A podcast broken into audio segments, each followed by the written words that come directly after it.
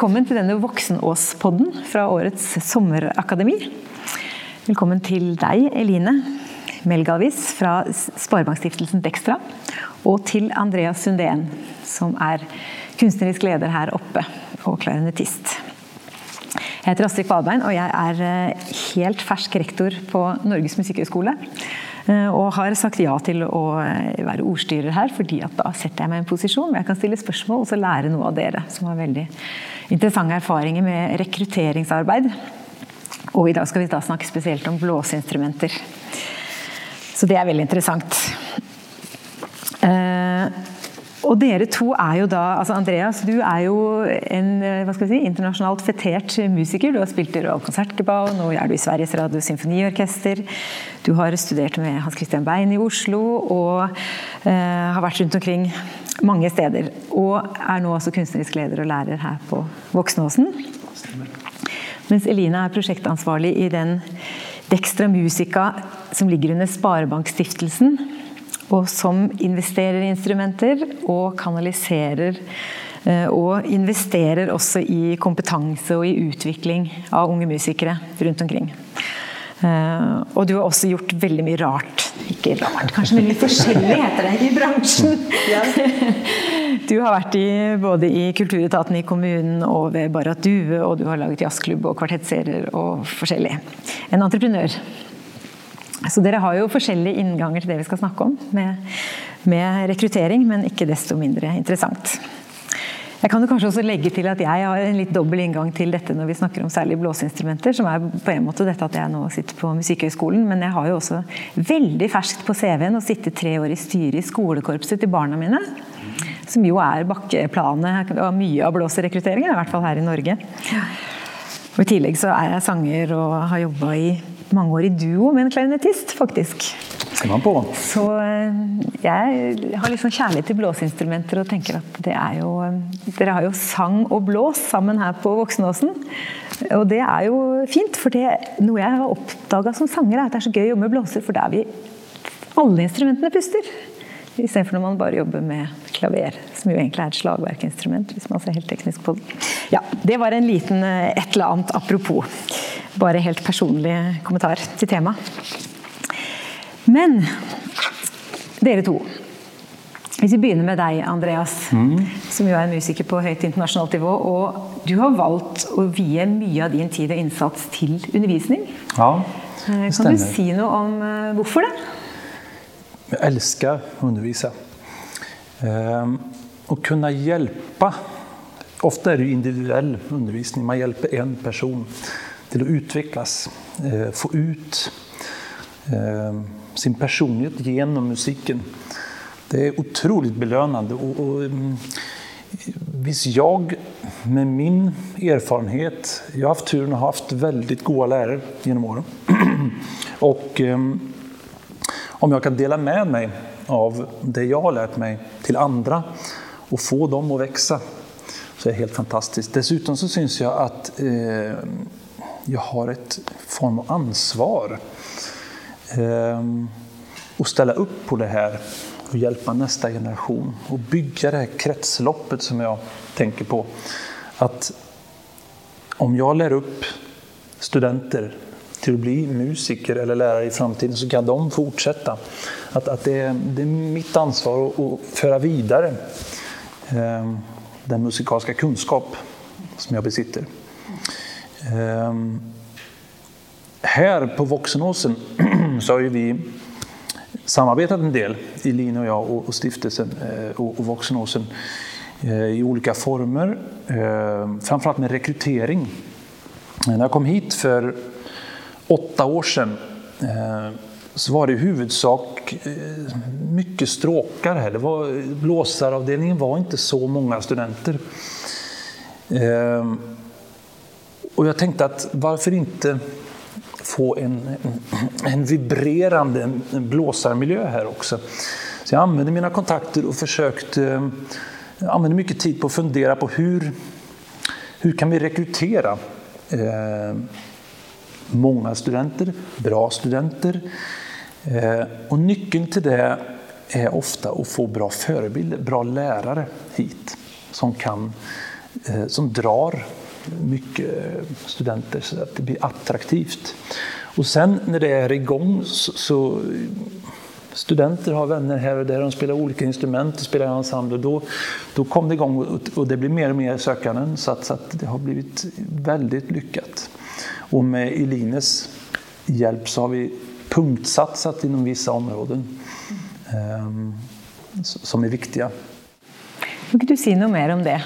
Visse områder og visse instrumenter har jo dere investert i. for å si Det sånn. Det Dextra Musica er jo en, en av verdens fineste strykeinstrumentsamlinger. Så vi har jo 150 instrumenter som vi låner ut til norske strykere. Eh, og alle de må altså vi, vi har også det samme kretsløpet som Andreas snakker om. Alle de må bruke De betaler tilbake med å bruke fem dager på prosjektet med barn og unge. Derfor har vi helt siden vi ble etablert hatt veldig veldig mye kurs og aktiviteter, orkesterprosjekter for stryk, naturlig nok. Og så tenkte vi ok, men her, vi, vi, kan jo ikke bare Det skal jo ikke være sånn at det skal være at stryk blir forfordelt. Eller vi, vi må jo gjøre noe for andre også. Eh, og da begynte vi med satsing på klaver, på blås og på sang. Og hvor vi har gjort en særskilt satsing på noen instrumenter. Altså, det var egentlig litt tilfeldig, men rektoren på Musikkhøgskolen og på Barat Due ringte oss samme uke og sa nå må dere gjøre noe for bord og fagotter. Det er helt krise. Så ok, hvis både NMH og Barat Due ringer på én uke, hva er oddsen for det? Det har ikke skjedd siden. Så tenkte vi her må, her må vi gjøre noe. Og det var akkurat da så var det en del engelske og europeiske kampanjer, litt sånn endangered species. Så da starta vi ok, men trengs det? Så vi snakka med Valdres Sommersymfoni, som da koordinerte et løft. Og er, da, det var med utgangspunkt i de fem instrumentene som da var liksom de som var få søkere på til høyere utdanning. Og obo, fagott, kontrabass, orgel, eller kirkeorgel og um, harpe. og så har bratsj kommet til i etterkant. Eh, men hele poenget da er jo på en måte det handler jo ikke bare om midler, men det handler om mindset. Det å på en måte lage en stor fellessatsing. Så alle Kulturskolerådet, Musikkdans, Drama, Voksenåsen, NMF, De Unges Orkesterforbund, alle de profesjonelle orkestrene, Creo, Foreningen for musikere altså Alle er med på et felles løft. Og så har det vært altså alt fra støtte til instrumenter, det har vært støtte til kickoff-samlinger, altså valgfagkurs for saksonister som vil begynne å spille fagott, eller for fiolinister som vil begynne å spille bratsj. Altså, den type ting. Og så har det vært masse lærersamlinger, bl.a. her på Voksenåsen. Eh, masse kontakt opp mot kulturskolene for å få de til på en måte faktisk prioritere hvis de har en ledig stilling. Kanskje de skal ansette en obolærer, da. Eh, og ikke tenke ja, men det er ingen som søker på bo, hvorfor skal vi da? Det er ikke, det er ikke marked for tilbud, men på en måte det, det, begynner å komme så mange gode eksempler nå på at det skaper man. Eller det kommer når den rette læreren er på plass. Eh, og så har det vært også type kampanjer eh, og artikler og faktisk to bestillingsverk som er laget med fokus på de instrumentene. For det handler jo også om at ba, altså barn vet at jeg kan spille obo. Eller det fins et instrument som heter fagott. Det lyder sånn. Mange er jo nettopp åh, med den lyden. Jeg vil lage sånn lyd. Eh, eh, og eh, nå har det jo vært i fem år. Og det, målet var jo at man skulle få flere søkere i utdanning. Vi har liksom ikke helt kommet altså Fra vi starta, så er det et par som liksom er i høyskolealder nå. Men det er jo et titalls tilbud på kulturskolene. Og det er vel kjøpt noen hundre instrumenter, tror jeg. Og jeg måtte ta en liten ring rundt i går for å sjekke, sånn at jeg vet at det faktisk er stemmer. Men både NMF og UNOF melder jo at det er flere. Når de har sommerkurs, er, og de, altså Norges Ungdomssymfoniorkester har flere deltakere på de instrumentene. Og det er jo positivt. Men eh, så skal det sies at på, når det gjelder rekruttering til blås, så har vi instrumenter i fokus, men vi har også støtte til regionkorps og til Nasjonalt blåseorkester. Og til ja, dirigentløftet og kammerprogram. Så det er ikke, ja, det er ikke bare å bo for godt, men også på blåse, ja, for blåsemiljøet som helhet. Mm. Og et eksempel på noe dere har støtta, er jo tigeroboene i Kristiansand. Er det ikke det de kaller det? Ja, det er godt mye støtte til instrumenter. Ikke sant? Eh, men så må jo kulturskolen da ta ansvar og lage tilbud. Ikke sant. Og da må de kanskje også ha en en lærer som er en eller annen litt ekstra ildsjel, kanskje? Hvis man virkelig altså, skal få Hvis du skal snakke om resultater, så er jo noe av det, mest, det viktigste alle de nett, altså lærertreffene.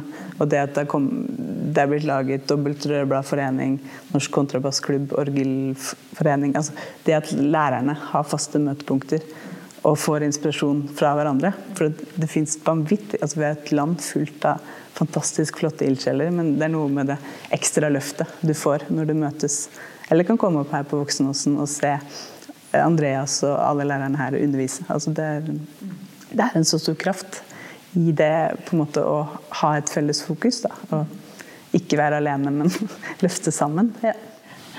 Og det er, da vi snakka sammen litt tidligere i dag, så, så, slo det meg tydeligere noen gang at man har lett for å tenke på en sånn stiftelse som dere som kanskje noe som først og fremst liksom distribuerer penger. Men dere er jo virkelig en sånn koblingsboks mellom en masse forskjellige instanser og miljøer og virksomheter i dette Musikk-Norge. Og det er jo på en måte Voksenåsen nå. Det er jo et lappeteppe av kontakter, av nettverk, av aldersgrupper som ikke nødvendigvis møtes, fordi du har både høyskolenivået og litt under her oppe. At man får møtes, og så får du det veldig profesjonelle sjiktet med lærere over der igjen. Eh, og hvor det også er Også på det nivået er det jo sånn som du sier, de enkelte lærerne som gjør at noen vet om at den og den vil jeg oppsøke, er jo en sånn veldig viktig kraft. Absolutt. I dette lappeteppet, egentlig. Av eh, Vi hadde jo, Ni støttet et juniorkurs her i en periode. Eh, som var eh, en, en, idé fra meg, eftersom vi fikk så mange søkende og, og nivået ble høyere og høyere. Og de som kom hit, ble, det var nesten profesjonelle som ville komme hit. Det var så utrolig høyt nivå for å komme med. Och då var det några år när, när ni stöttade ett juniorkurs där vi hade helt ned från tonåringar, en grupp, till professionella klarnettister eller fløytister. flöjtister. Och få den, den vägen, och få se och komma hit och vara 14-15 år och höra att det är möjligt. Tänk att få spela sån. Eh, och de har studerat, gått till och, och vetat om jag går hele den veien og studerer i flere år framover, så kan jeg bli lika god som hun eller han. Det, det, det var utrolig viktig å få hele spektrat der. Liksom. På samme sett som forbilder er enormt viktig. Um, man måtte noen gang ha opplevd musik starkt, tror jeg Satt igång någon känslosystemet och verkligen älskade. Och se upp till förebild, om det är en lärare eller någon som spelar eller någon situation eller någonting. Eh, det måste etsa sig fast väldigt starkt för att man orkar hålla på med alla timmars av övning og någonting. Det, det er veldig viktig. Det tror jeg altså, vi, det er jo en strykereferanse, men vi spurte alle våre profesjonelle musikere. Hva har vært viktig for dere? Hva var det som var avgjørende for at dere ble musikere? Og jo, alle har jo sine personlige grunner, men generelt i alle de svarene vi fikk, så var det jo to ting. Altså det var forbilder, og det var møteplasser. Og det oppsummerer jo Voksenåsen veldig fint sånn sett. Og egentlig eh, rekrutteringsarbeid. Eh, ja. Nettopp. Og så står man friere i en sånn sommeruke til å kanskje kuratere den blandinga. Altså lage en møteplass, kuratere noen utvalgte forbilder. Mens vi som driver de store institusjonene, som skal drive virksomhet hele året igjennom og jobbe med sånn systemer og strukturer for dette, vi jobber på en måte på litt andre vilkår. Så for oss også, Musikkhøgskolen er jo samarbeidspartner med Voksenåsen, så er det veldig fint å ha disse, alle disse kontaktflatene ut mot andre steder. Hvor det foregår på, på andre måter. Ehm, vi i høyere utdanning har selvfølgelig et sånt mer og sterkere og sterkere sånn politisk bevissthet på at når vi snakker rekruttering, så må vi også tenke rekruttering av nye grupper, andre grupper, bedre kjønnsbalanse, større kulturelt mangfold, sånne ting. Hvordan tar dere det inn? Ja, sånn som her på Voksenåsen, da, hvor det jo det er jo en klassisk eh, på en måte en slags orkesterkultur som, som har lagt liksom litt premissene her. Eh, hva slags forandringer i den leia eh, tenker du er viktig, eller både for voksne og for virksomheten generelt? Det kommer tilbake til forbilder igjen. Liksom. Eh, man måste jo kunne se at det er mulig. Liksom. Og, og forbildene måste både være kvinnelige og mannlige, selvfølgelig. Men alt forandrer seg over tid. Hvordan kommer det seg at de flesta studenter nu för tiden är kvinnor? Är det för att vi bevisst har lagt ner arbete på att få så, eller förändra sig samhället? Eh, och där tror jag det må vara en kombination att vi må vara tidigt frampå. För vi måste ligga i forkant, för vi ska vara förebilderna. Vi kan inte vänta 30-40 år på att det ska ske någonting. Vi måste hela tiden ligga före, liksom, tror jag. Ehm, I orkestrarna så har det ju ganska länge funnits att när man söker ett jobb så är det bak. Det spelar ingen roll vem det är, var du kommer ifrån eller någonting. Det är den som spelar bäst som får jobben. Och det har gjort att det har blivit en balans mellan män och kvinnor i orkestern. Ehm, men gå ut av boxen, tänka nytt är viktigt. Att, att man, ehm, man belyser ett problem och sen måste man göra någonting med det. Det är lätt att det finns eh, att, man går omkring obevisst och, tar vissa beslut omedvetet. Och där är det viktigt att få upp till ytan och ha en diskussion och sen så aha, ja, men det där tänkte jag på, inte på. Det, det måste vi fixa till nästa år och sånt. Liksom. Det tror jag är viktigt. Og da er det jo kanskje en utfordring for uh, vi som driver med klassisk musikk. Vi har jo en enorm kjærlighet til den, den tradisjonen vi står i. Og ikke sant? En sterk agenda på å forvalte den. Og kanskje også en opplevelse at det er ikke noe selvfølge i vår tid. Det kan være tøft å nå fram med klassisk musikk i media i hvert fall, og i mange kanaler. Men hvordan vi da kan gjøre den gode på en måte konservering av den tradisjonen, samtidig som vi nettopp som du sier, greier å ta de grepene som skal til for å forandre. Det er vel en sånn en spenning nesten som vi står i. Også med tanke på, på å inkludere uttrykk fra andre musikkulturer, kanskje, enn den vestlige. Eller rekruttere bare i andre områder av eh, samfunnet enn vi vanligvis rekrutterer fra. Dere har jo litt erfaring med det. Altså, vi støtter Noen også en del eh, altså musikk i skolen og El-systemet-prosjekter.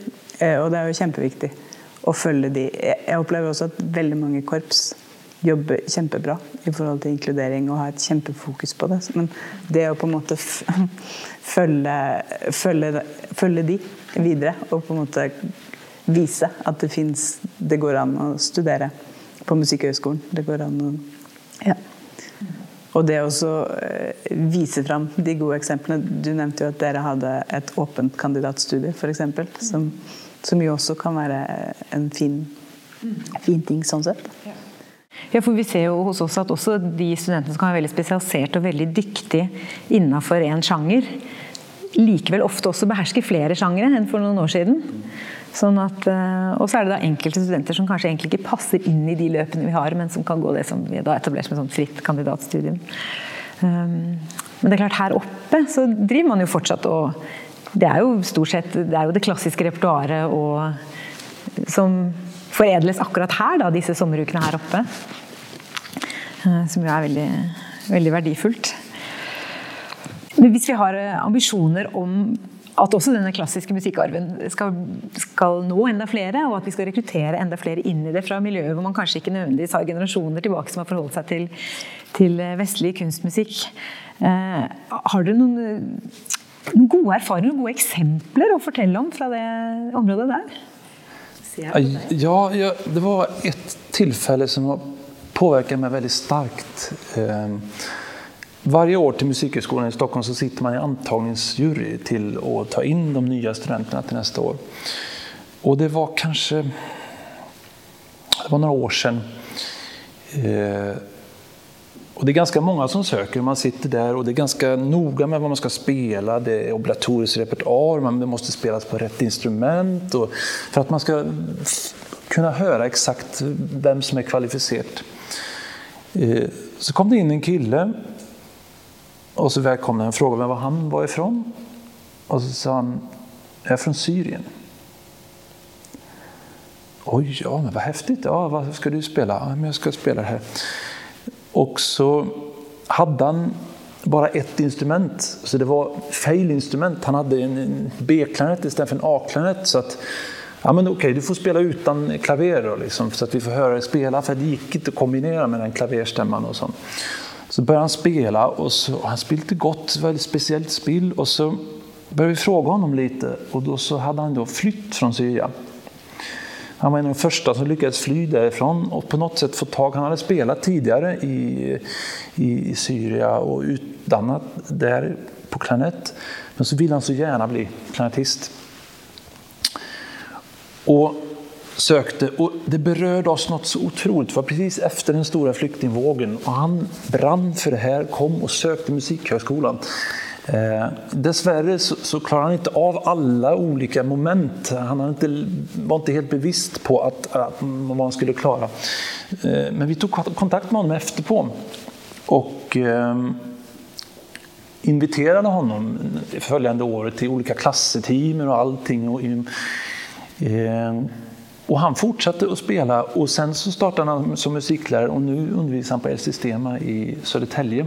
Och vi har kontakt och ibland kommer han och ses. Och det, det är en sån... Just det tillfället när han kom från en helt annan kultur och en helt annan bakgrund, har flytt och det var bara klanett som gällde för honom. Det var det absolut viktigaste. Och det berörde oss i juryn otroligt mycket. Som, som, det har satt sig starkt. Liksom. Och, och, där har vi eh, lite samarbete med, med, att vi träffar honom ibland. Ibland kommer han upp och, och med lite elever och, och sånt. Så det är väldigt, väldigt hyggligt. Mm.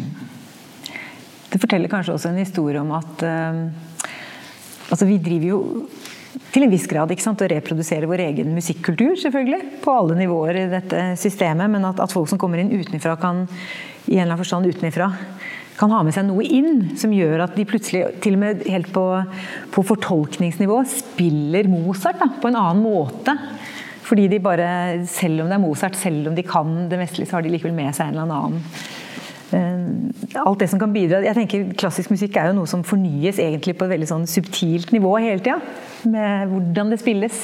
Hvilke referanser, hvilke erfaringer, hvilke personligheter. Selv om man fortsatt er liksom innafor det repertoaret. Så det er kanskje også en historie om, om noe sånt. Det fins et uttrykk der som, som, er uvanlig i en god ja. Du nevnte hele systemet, og det nevnte du også.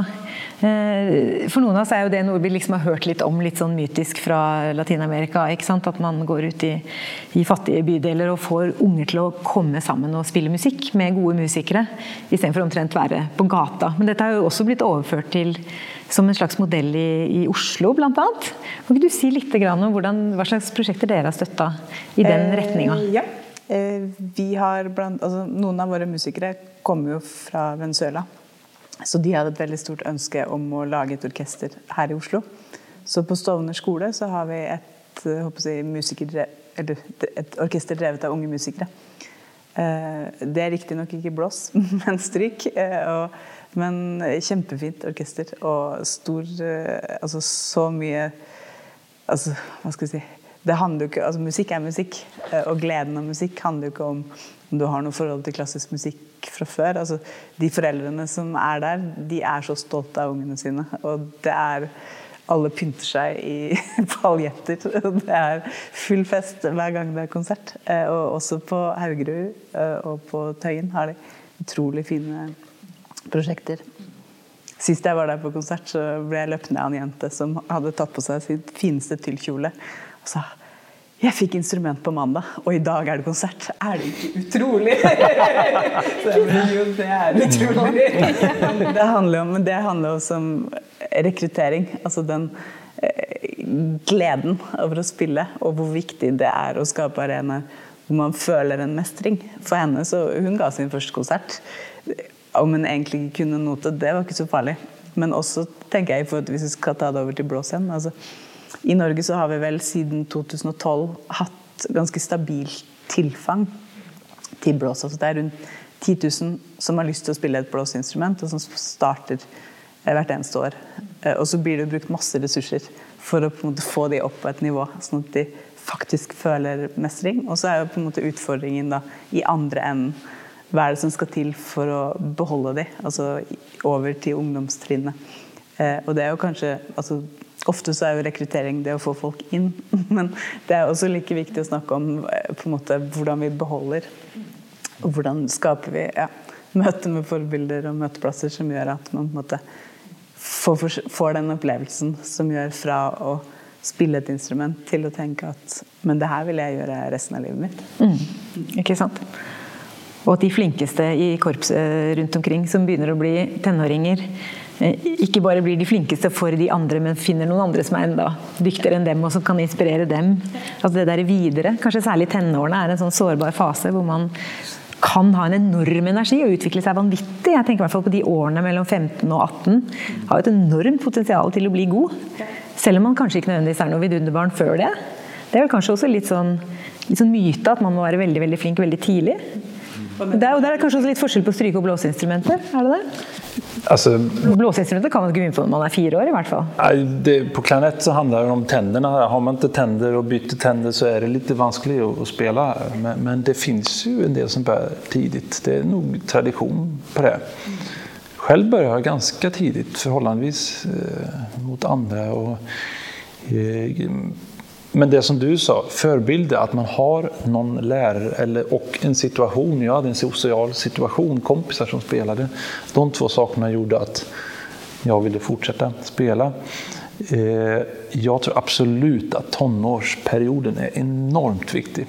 Det er der man kan utvikle alt fra motorikk motorik til till eh, lære seg utrolig raskt. Liksom. Ehm, unga de lär sig direkt när man instruerar dem. Ehm, och, och kommer de, som jag ser det, på rätt spår, att, att, att de lär sig på rätt sätt spela ett instrument, så har de, behöver de inte gå tillbaka och göra om. Liksom. Ehm, och, och de som har fått den vägen, den rätta vägen, de har mycket lättare att lyckas sen, liksom, när man kommer till musikskolenivå eller efter det. Ikke sant? Og man er kanskje mer eh, fleksibel òg, til å få Ja. nettopp teknikken justert helt på riktig kurs, Precis. så du ikke har med uvaner. Og Det er jo sånne ting det handler om òg. Et sånt her kurs handler om det. At Ja. man, man, man ger dem, de kanskje får tre, fire, fem timer i løpet av en vecka. Det, det, det er for kort tid å, å, å gjøre en hel omvändning. Men man kan styre, man kan gi dem verktyg, man kan gi dem idéer, øvninger. Og, og sen får de selv, sammen med en lærer, fortsette. så kommer de tilbake. Och, eh, det, det är viktigt liksom. Eh, tidigt. Och att de får en upplevelse. En stark musikupplevelse. Är det positivt eh, sällskap, social situation och eh, få en glädje med att spela. Også her, Nå har det jo vært litt annerledes et par sånne koronasomre.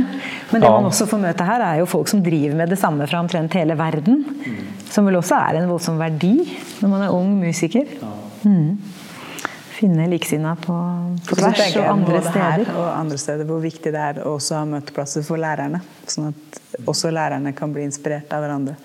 Og lærere på videregående eller kulturskole får se men hvordan underviser egentlig lærerne på Musikkhøgskolen eller på andre steder. Det er kjempeverdifullt. Og fra utlandet få ideer om nya eh, tankar. i går så fikk jeg en idé fra den fantastiske fløytelæreren her, Henrik Wiesen. Han har vært på et kurs i Spanien der de hadde involvert funksjonshemmede som hadde Downs syndrom som fikk være med og spela med musik. Og han sa at det var det, han har aldri opplevd en sånn stor musikalsk en glede, for det, det fins inget filter. De bare kaster seg ut og viser alt de kjenner. Og hvor mye det betydde for honom å få den der responsen. Eh, Det samarbeidet där. Eh, En tidigare lärare sådde ett frö om, om det här med juniorkurser till exempel som vi, vi förfinade, du och jag, och hittade ett sätt som fungerade här. Liksom. Eh, Det här lärarutbytet är enormt viktigt. Liksom. Sant. Ja. Og da snakker vi, også, snakker vi også om en side av mangfold, som vi er inne på. Dette med forskjellige funksjonsvariasjoner. At musikk skal, og musikk kan jo være en kjemperessurs for mange, og tilgjengelig for mange. Mhm.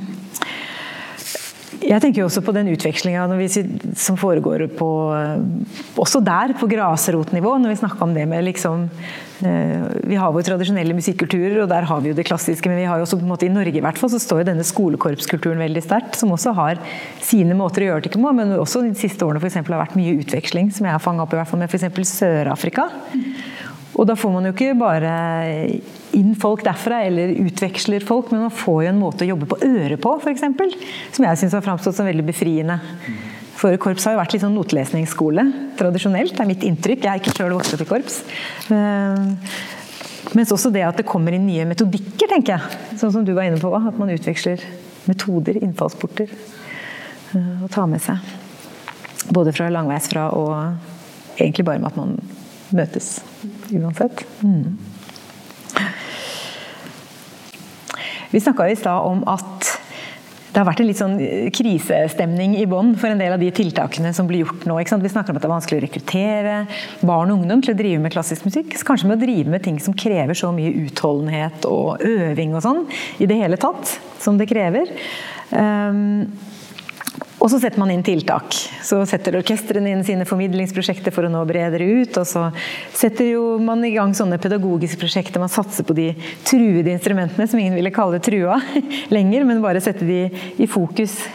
Eh, og det interessante spørsmålet over litt tid da er jo liksom Ser vi effekten av dette? Ser vi effekten av det over tid, eller blir det bølger?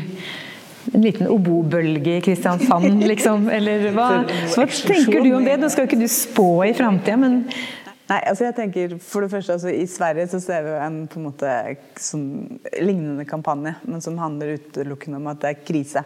Eh, det var for så vidt det vi starta med her også.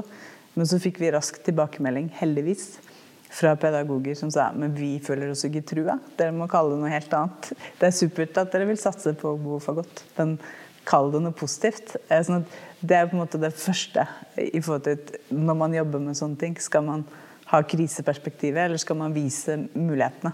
Eh, og jeg tror det å eh, snakke sammen istedenfor å snakke om at det er krise, heller bruke tida på å snakke om men hva, hva gjør vi? Hva kan orkestrene gjøre? Hva kan festivalene gjøre? Hva kan kulturskolene alle gjøre? og så handler det også om ikke bare om penger, men at, man, at det endres kultur, kulturer. Så selv om vi kan si ok, det har kommet titalls tilbud på instrumenter i fokus så langt. altså Satsingen fortsetter jo. Men så er det jo på en måte det på lang sikt å ha laget strukturer for at det prioriteres at noen instrumenter kanskje må prioriteres eh, når det er snakk om å kjøpe instrumenter. Så har jo UNOF og NMF begynt å da prioritere alle som søker om støtte til oboe og fagott fordi at det er viktig for korpsene. Og søknadene kommer jo ikke fra Det er jo ikke funnet på, det er jo fra korps eh, og orkestre landet rundt som virkelig har lyst til å få til noe. Det er jo på en måte det å mobilisere til en felles dugnad på, på noe som er et livsvarig engasjement, da, ikke, ikke et kort blaff. Ja. Og en sånn dugnad som vi Og så får vi se om 10-15 år, da. Mm. Hvordan, om man på en måte trenger på en ja, annen metodikk. Men jeg, ut fra det vi ser, så er det kjempeinspirerende. Den kraften som kommer i alle miljøene som ønsker å bidra, og som ønsker å, å få til ting. Og så er det jo sånn som her på Voksenåsen, så starta dere også opp med ok, vi må ha ekstra. Her skal vi gjøre ekstra for å få nok oboister og fagotister. Og så, så mange at Jeg kommer mer enn på ja, det. Sånn at det, det, er på en måte Ok, man ser at av og til så må man ha noen eh, hva skal jeg si, oppstartsting, eh, og så går det av seg selv. Og så må man jo følge med. Kanskje må man sette inn støt igjen hvis det trengs. Altså, det er jo som alt mulig annet litt sesongavhengig. Ja. Men jeg, jeg har i hvert fall overbevist om at det er viktig og riktig å ha, ha fokus på den positive sida av det. Og ikke på en måte eh, Å skape gode opplevelser fremfor å på en måte snakke om ja, og kanskje Det du sier noe om føler jeg hører også, er jo det at summen av at mange blir bevisst på det.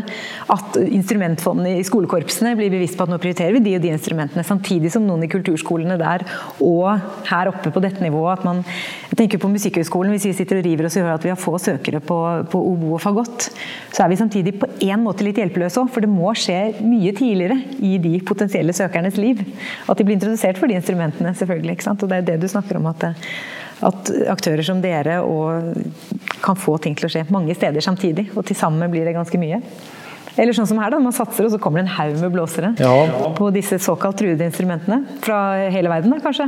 Jeg ringde jo til de gode fagottlærerne som er her nå, og så sa vet ni om at dere er en utrotningshotad art? Altså? Og da ble de sporret til og det her måtte vi løse.